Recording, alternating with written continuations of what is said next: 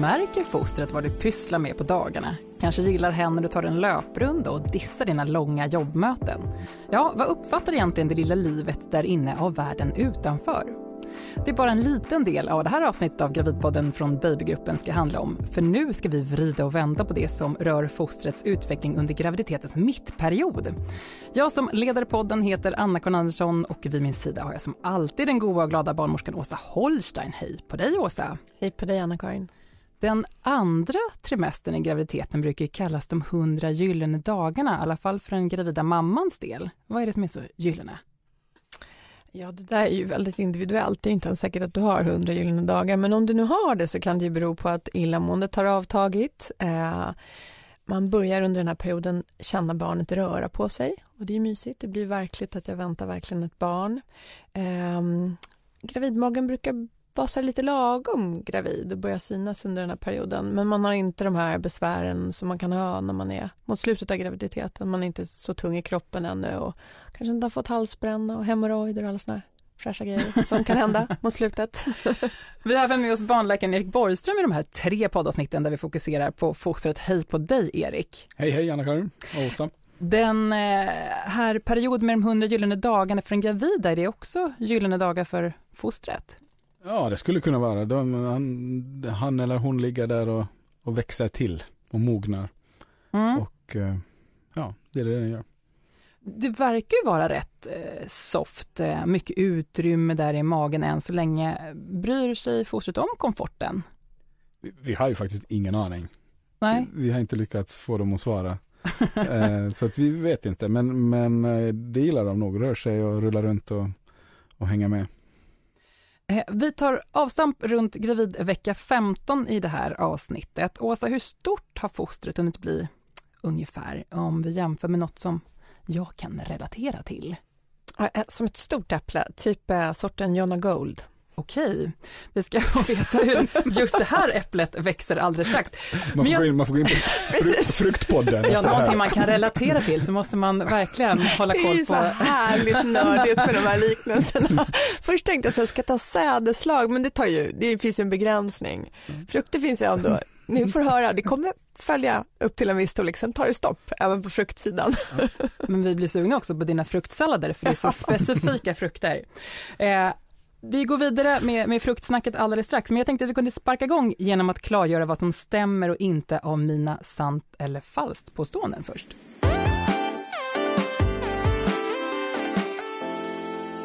Och då tänker jag att det här handlar ungefär om gravidveckorna 15, 16, 17 och 18. Är ni beredda? Ja. Yes. Fostret hör nu vad jag säger, var noga med att inte låta arg under graviditeten. Sant eller falskt?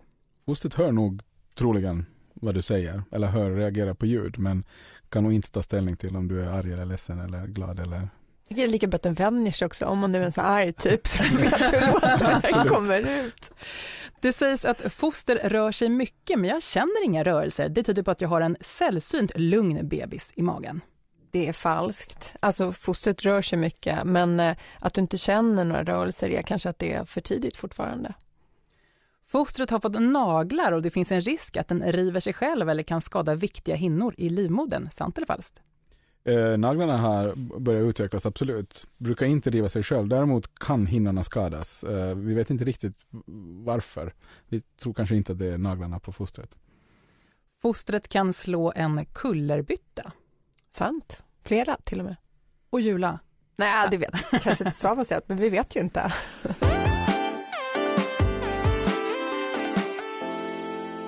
Erik, jag vänder mig till dig nu och inte till fruktståndet här. Hur ser fostret ut när ni är gravid i vecka 15-16? Korsning mellan rymdvalse och bebis kan man säga. Man ser absolut att det ska bli ett barn, men det är ett stort huvud och en, och en ganska tanig kropp. Men, men allt fingrar och tår och knän och näsor och öron och allt sånt uh, finns där de ska finnas och ser ut ungefär som de kommer se ut. Näsor? Ja. Rymdvarelser då, så de kan ha, se ut hur som helst. Eh, I vårt eh, första avsnitt eh, om fostrets utveckling, där vi fokuserade på veckorna efter befruktningen, så pratade vi om att fostrets storlek mättes från rumpa till huvud. Den här rymdvarelsen då, hur, hur mäter man den? Nu mäter man mer hela barnets längd. Ja, och, så mäter man ju, man mäter ju runt eh, Magen också. omkretsen av ögonen och så Ja. mäter man ju låret, Lårbenet. låret, benets längd. Precis. Och huvudets. Huvudet, mellan Omkrets. tinningarna också. Ja, Mät, men, måttet mellan tinningarna. ja, men man Ja. mäter hu huvudets storlek. Och då sätter man ihop det här så blir det en, en algoritm som gör att man får storleken på barnet. Vad är det som utvecklas hos fostret då i, i början av den här andra trimestern som vi delar upp graviditeten i de här tre delarna? Allt utvecklas. Eh, vissa saker använder ju fostret redan som hjärtat och, och eh, njurarna. Eh, men alla andra organ eh, fortsätter att utvecklas för att de ska vara redo när, när nästa steg i livet fortsätter. Mm, jag googlade på lanugohår som foster. Vad är det för något?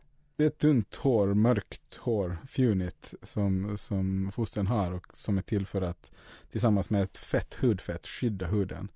Uh, fostrets hud är, är inte alls färdigutvecklad i den här perioden och, och behöver ett skydd. Men lanugohår, det är över hela kroppen. Det är inte mm, specifikt på, på huvudet eller så, utan det är Det är på hela lite, kroppen mm, Mm. lite pälsigt så. och det försvinner eh, när, man, när, när de föds. En del barn har faktiskt lite hår kvar på axlarna och ryggen och så här som brukar skavas bort sen. Där fettet kan ju också, det täcker ju också hela kroppen, det heter vernix, det är ett vitt fett. En del barn, särskilt när de föds lite för tidigt, har de mycket fosterfett kvar. Och föds de efter utsatt tid så finns det nästan ingen fosterfett kvar alls. Och du har sagt att det är en sån här mirakelkräm. Även Ja, men för jag har hört, jag vet inte om det här stämmer, men jag har hört av en, rysk, rysk barnmorska i Ryssland där skrapar barnmorskorna bort det här fettet och säljer det till kosmetikaindustrin. Men jag vet inte, vi brukar alltid försöka ta lite dutt under ögonen Ja. efter förlossningen. Och Erik, du som jobbar med för tidigt födda, du ser väldigt fräsch ut Ja. i hyn. Det kanske Det har sina förklaringar. Ja. Vad kan fostret göra eh, runt gravidvecka eh, 16 som det ja, typ inte kunde då tre veckor tidigare om vi ska ha någonting att jämföra med? Och det är ju mer rörelser och, och så här, men det, det, det är inte medvetna rörelser utan reflexmässiga rörelser. Men, men rör sig och griper och det är för att träna muskulaturen. Eh, fostret ligger och andas, har andningsrörelser också för att träna muskulaturen och för att lungorna ska utvecklas. Så den, den ligger och tränar helt enkelt. Beter sig alla eh, foster likadant eller finns det variationer precis som hos barnen när de har fötts? Återigen, vi vet ju faktiskt inte. Men vi utgår nog från att de flesta följer en mall eh, där de liksom rör sig och, och tränar och, och utvecklas. Och, och, än så länge har fostret sl- slutna ögon. Mm. Men det är inte samma sak som att det sover, eller?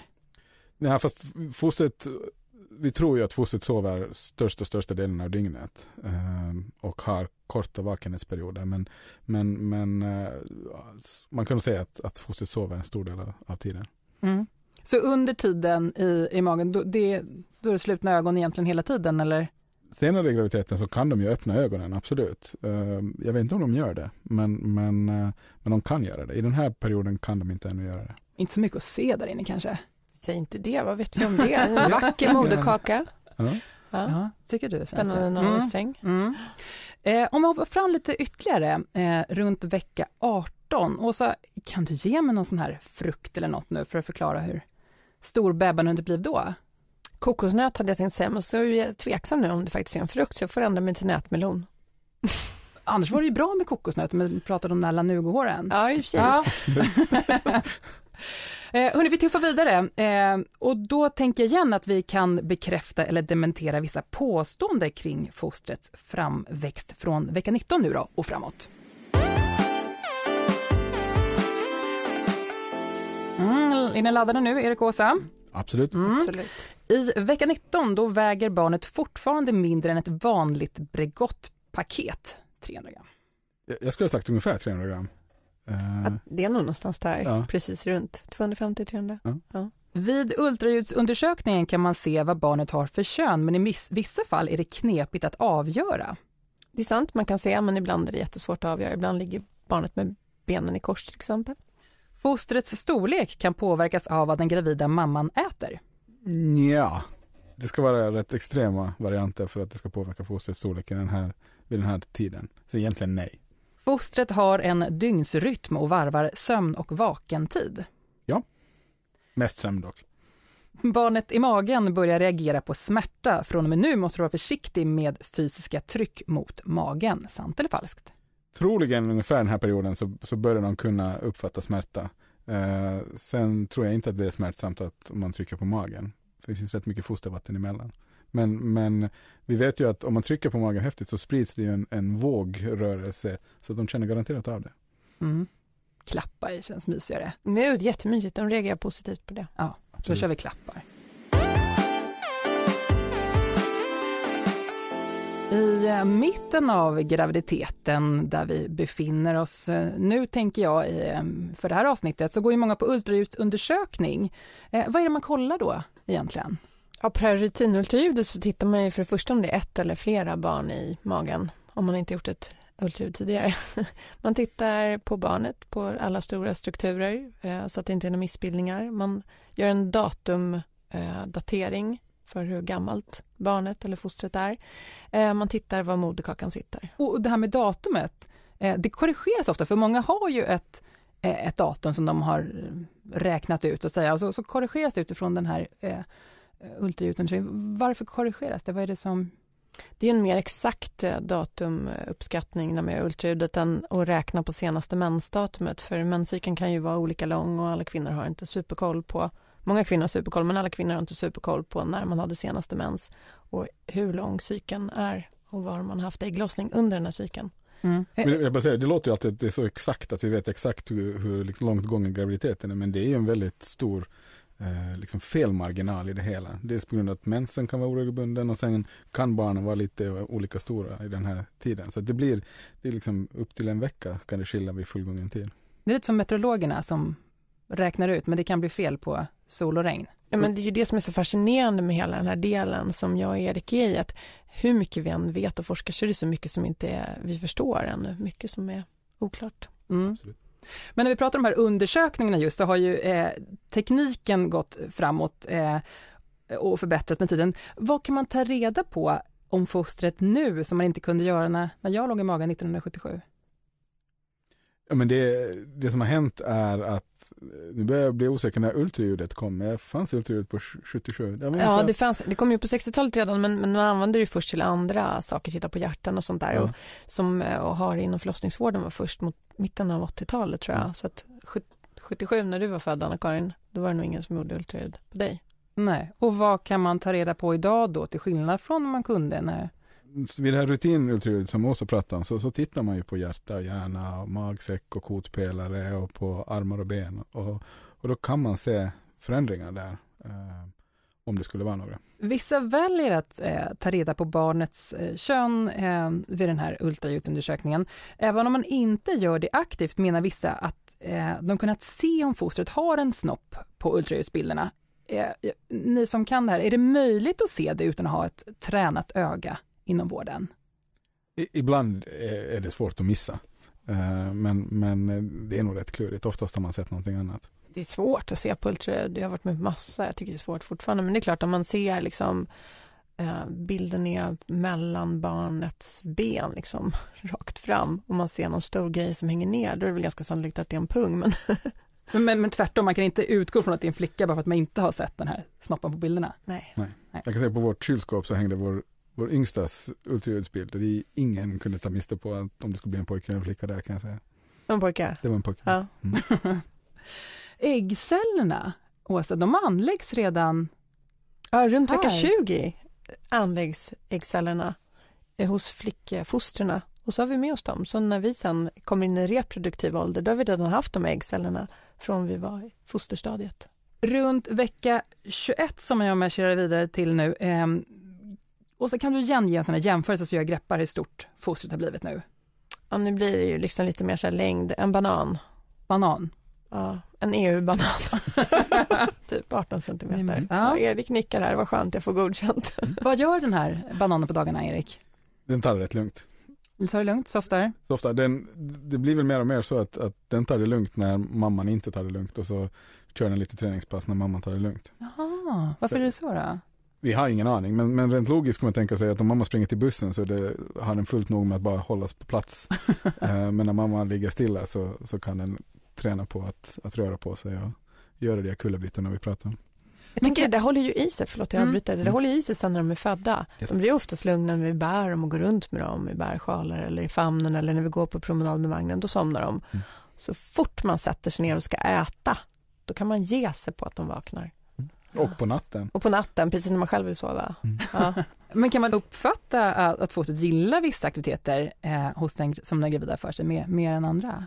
Ja men det är absolut. Vi tror ju att, att eller det märker man ju när, när mamma tar det lugnt så, så, så rör sig barnet och sparkar och håller på. Eh, sen vet vi inte vad, vad den tycker om det eller inte. Återigen, det är väldigt svår intervju, intervjuat objekt. Men rent generellt tror jag att det är så att barnet gillar det som vi gillar. Det vi mår bra av när vi är gravida, det mår barnet bra av. Men det är svårt att börja curlandet eller hönsandet redan under graviditeten och, och anpassa sina aktiviteter efter att fostret ska verkligen gilla det jag gör. Jag, tror man ska köra in, vad heter det, um, uh, curlande på mamman istället. Då bor fostret mycket Verkligen, bättre. Ja. verkligen mammakullande, det borde Ja. man införa. Så här, att man verkligen ska försöka ta det lugnt och verkligen få vara lite gravid. Massage och praliner. Ja, massage och praliner. Ja, och någon som dammsuger, det är så tråkigt. Vad är viktiga utvecklingssteg då för fostret så här veckorna efter att halvtiden för graviditeten har passerats? Det är inga dramatiska steg just nu utan det är att fortsätta utvecklas och utvecklas och utvecklas. Eh, är, alla organ gör sig redo för den stora, stora färden. Och ni får göra redo för ännu en sant eller falskt omgång. Mm, nu är det påståenden här som gäller vecka 23, 24, 25 och 26. Det går snabbt framåt här eh, för vårt foster. Eh, Erik Åsa, navelsträngen är jämförbar med ett spagettistrå i tjocklek. Sant eller falskt? Falskt. Ja, falskt. Ja, vi skulle säga som ett lillfinger ungefär kanske. Alltså, eh, Till kanske och med lite tjockare. Mer mitt Ja, lillfinger än ditt, det, ja. Bebisen kan trycka mot urinblåsan vilket gör dig som gravid kissnödig. Sant. Ett barn som föds i vecka 26 har chans att överleva. Absolut. Förväntas överleva. Bebisen uppfattar beröringar, klappar på magen gör ett barn extra nöjd och trygg. Absolut. Ja, vad fint, det har vi varit inne på. Vi klappar vidare. Mm, klappa, klappa. Jag tänkte att vi skulle avsluta med att uppehålla oss vid de två sista veckorna av den här mittersta trimestern. Och så jag gör min vanliga storlekskoll. Eh, vad kan vi jämföra fostret med i storlek i vecka 27? Ja, men som en så här lite riktigt stor, lite avlång vattenmelon man kan köpa från de här flaklastbilarna när man är i Spanien typ. Och de är ju riktigt stora. Men tänk lite mindre då, men ändå större än Icas. Eller en butternut squashpumpa. Men nu, det är ingen frukt Erik, Vad är det det är en då? frukt. Vad är det då? Det är en pumpa. Är det inte frukter? Nej, jag tror att det är en grönsak. Får göra en, en, en fruktpodd, Jag känner jag ju Barnmorska och inte. Och Erik, du är neonatolog och jobbar med för tidigt födda barn. Eh, vad är utvecklingen hos fostret är det mest avgörande för om barnet skulle klara att födas eller inte? Men i, den, I den här perioden så, så förväntar vi oss att, att de barn som, som föds klarar sig. Men, men det som är, det de behöver hjälp med, det som absolut inte är redo är lungorna. Tarm och hjärna och sånt är inte heller redo, men, men det är inte riktigt lika kritiskt. Utan det är lungorna som, som inte är redo för att klara sig utan vår hjälp. Mm. Och, men med hjälpen då, ett barn som föds i, i sig vecka 27 eller 28, växer det och utvecklas i samma takt i en kuvös som inne i livmodern? Nej, vi, vi försöker ju läka livmodern men, men vi lyckas inte riktigt. Eh, så att vi, vi, om vi lyckas som vi förväntar oss så, så kommer barnet att bli lika stort som planerat och, och ganska snabbt komma ikapp. Men, men gör ett litet tapp när, när man föds, om man föds så här tidigt. Men, men börjar sen växa, efter någon månad börjar växa lika snabbt igen. Mm. Så vi försöker efterlikna eh, livmodern. Vad är det som skiljer miljön i magen jämfört med om det Men i, föds för tidigt för barnets del? I livmodern så är det ju, ligger barnet i, i kroppstemperatur, i, i ett, som ett tyngdlöst tillstånd i vatten. Och det är mörkt. Och det är absolut inte tyst men, men alla ljud som är där inne är väldigt dova och dämpande. Det kan vara väldigt, väldigt höga ljud, liksom om tarmen knorrar till precis bredvid örat så, så låter det som attan. Men, men det som inte är, det är inte skarpa ljud. Och, det, och, och sen det som är utanför är ju att det är ljus. Och, och, och det som rör huden är ju mycket, mycket grövre och elakare än, än, än äh, lite livmoderslemhinna med fostervatten emellan. De flesta foster väljer ju att, att vara kvar eh, där inne ett bra tag till. Kan man säga något om vad som avgör vilka som föds för tidigt och vilka som stannar kvar? Det här är ju en, rätt mycket av en gåta fortfarande varför barn föds för tidigt. Vi vet att det finns en ärftlighet i det och vi vet att om mamma är sjuk eller påverkad så, så ökar risken. Eh, om man har tvillingar så ökar risken. Så. Men vi vet faktiskt inte egentligen varför barn föds för tidigt. Så man kan inte som gravid göra någonting för att eh, få den att stanna kvar där inne längre? Man kan strunta i att röka för det ökar risken för att få barn för tidigt. Man kan strunta i att droga för det ökar risken för att få barn för tidigt. Ja, man kan försöka och ta det lugnt liksom och må bra, men nej, man kan inte göra mycket själv som gravid kvinna. De här begreppen eh, som vi har pratat om, i, i eh, avsnittet som handlade om fostrets första del så, så pratade vi om, om embryo som sen eh, kunde klassas som, som foster. Finns det en sån tidsgräns också när fostret eh, kan kallas för en bebis eller ett barn rent ja, men det, principiellt? Egentligen så, så länge barnet är inne i magen så kallas det för foster. Men vi som jobbar med det, framförallt vi på barn som sen tar hand om dem, kallar dem för barn när vi börjar bli inblandade i graviditeter. Eh, men rent tekniskt tror jag det heter foster tills barnet föds. Vi har ju jämfört eh, storlek och, och vikt då, då under eh, programmets gång. Eh, växer bebisen jämnt under hela graviditeten eller spurtar den vid något tillfälle? Den, den spurtar i, i slutet av, av eh, eller tredje trimestern kan man säga att, att det sker en spurt. Och, och i, i andra trimestern så, så växer den lite långsammare. I första trimestern så växer den snabbare igen. Så att den växer nog långsammast förhållandevis i andra trimestern men, men växer ändå väldigt snabbt. Mm. Eh, det här med att ehm, eh, fostrens sinnen utvecklas mer som känsel och, och hörsel, vad du är inne på Erik. Ska man tänka på det? Eh, tycker ni? Sjunga sånger eller bara, du sa knorr i magen, ja, inte vara för hungrig för då kanske de får man kan, absolut, man kan absolut tänka på det. Jag tror att, eh, eller vi vet att, att barn känner igen melodier som, som de har hört inne i magen, känner de igen när de kommer ut. Så det är absolut som mamma eller pappa sjunger eller mamma lyssnar på. Sen behöver man ju sidan inte vara rädd för, liksom, för höga ljud, för det är återigen, det är en rätt mycket buffert emellan eh, Bruce Springsteens avslutningskonsert och, och själva fostrets öron. Mm. Och inte magknorret heller? Ja, det är svårt att göra någonting åt. eh, påverkas bebben i magen av hur, hur jag mår som gravid och vad jag gör? Till exempel om jag stressar eller sover dåligt? Vi vet egentligen inte. Uh, vi tänker att, att båda två, både mamma och foster mår bättre om, om mamman mår bra. Uh, men, men det är inte så att, att vi vet att, att fostret eller barnet skulle må dåligt om mamma stressar. När vi avslutade den här, det här avsnittet ehm, så, så tänker vi oss att vi är i gravidvecka eh, 28. Hur, hur ser fostret ut? Ja, men nu, nu är det mer och mer lik som en bebis, men, men det som inte, det som sker i, på slutet är att, att barnet lägger på sig mer hull eh, och växer i storlek och, och kroppen växer i kapp huvudstorleken lite mer. Så att ännu i vecka 28 så, så är huvudet lite större än, än resten av kroppen i, i proportion och, och det är inte så mycket underhudsfett. De har ofta en väldigt stor hudkostym, som att de har satt på sig för stor kostym mm. helt enkelt. Ja, de har vuxit i. Ja, ja, de är ju, vi, vi som vi, vi tycker att de är jättesöta, men de har ju för mycket hud liksom, i förhållande till fettet. De, de är inte helt olika gulliga små gubbar. Nej, faktiskt. Eh, förutom att bebisen är mindre då än den är efter 40 veckor, eh, vad i utseendet skiljer eh, 28 veckors fostret mest från de spädbarn som föds efter fullgången tid? Är det det här med veckan, skinnet? Ja, och, och uh, underhudsfett och, och uh, att, uh, nej, det, det, att de är mindre. De ser, lite, de ser mindre ut helt enkelt. Kan man nu se utseendemässiga eh, drag eller är barnen som föds för tidigt mer lika än de som föds vid beräknat datum? Det, det finns nog absolut drag och föräldrarna känner garanterat igen sina barn. Eh, det är inte alltid helt lätt att se det, framförallt i början när de föds i vecka 28. Men, men, men det är klart det finns, eh, de, de ser olika ut, absolut. Eh, vi inledde med att säga att den här trimestern präglas av en gyllene tillvaro, i alla fall för, för vissa. Eh, Åsa, är den här glada eran som gravid slut i och med att vi stänger igen butiken för det här avsnittet? Absolut inte. Nu närmar sig ju tiden för när du faktiskt ska få träffa barnet. Ja, det händer en del kul grejer för fostret i den sista tredjedelen av graviditeten, eller hur? Erik? Ja, absolut. Ja. Då ser vi med spänning fram emot att få höra om det tredje avsnittet om fostrets utveckling, men stänger igen som sagt för den här gången. Eh, tack säger jag till Erik Borgström, barnläkare, för att vara med i den här gyllene avsnitt och på återhörande. Tack.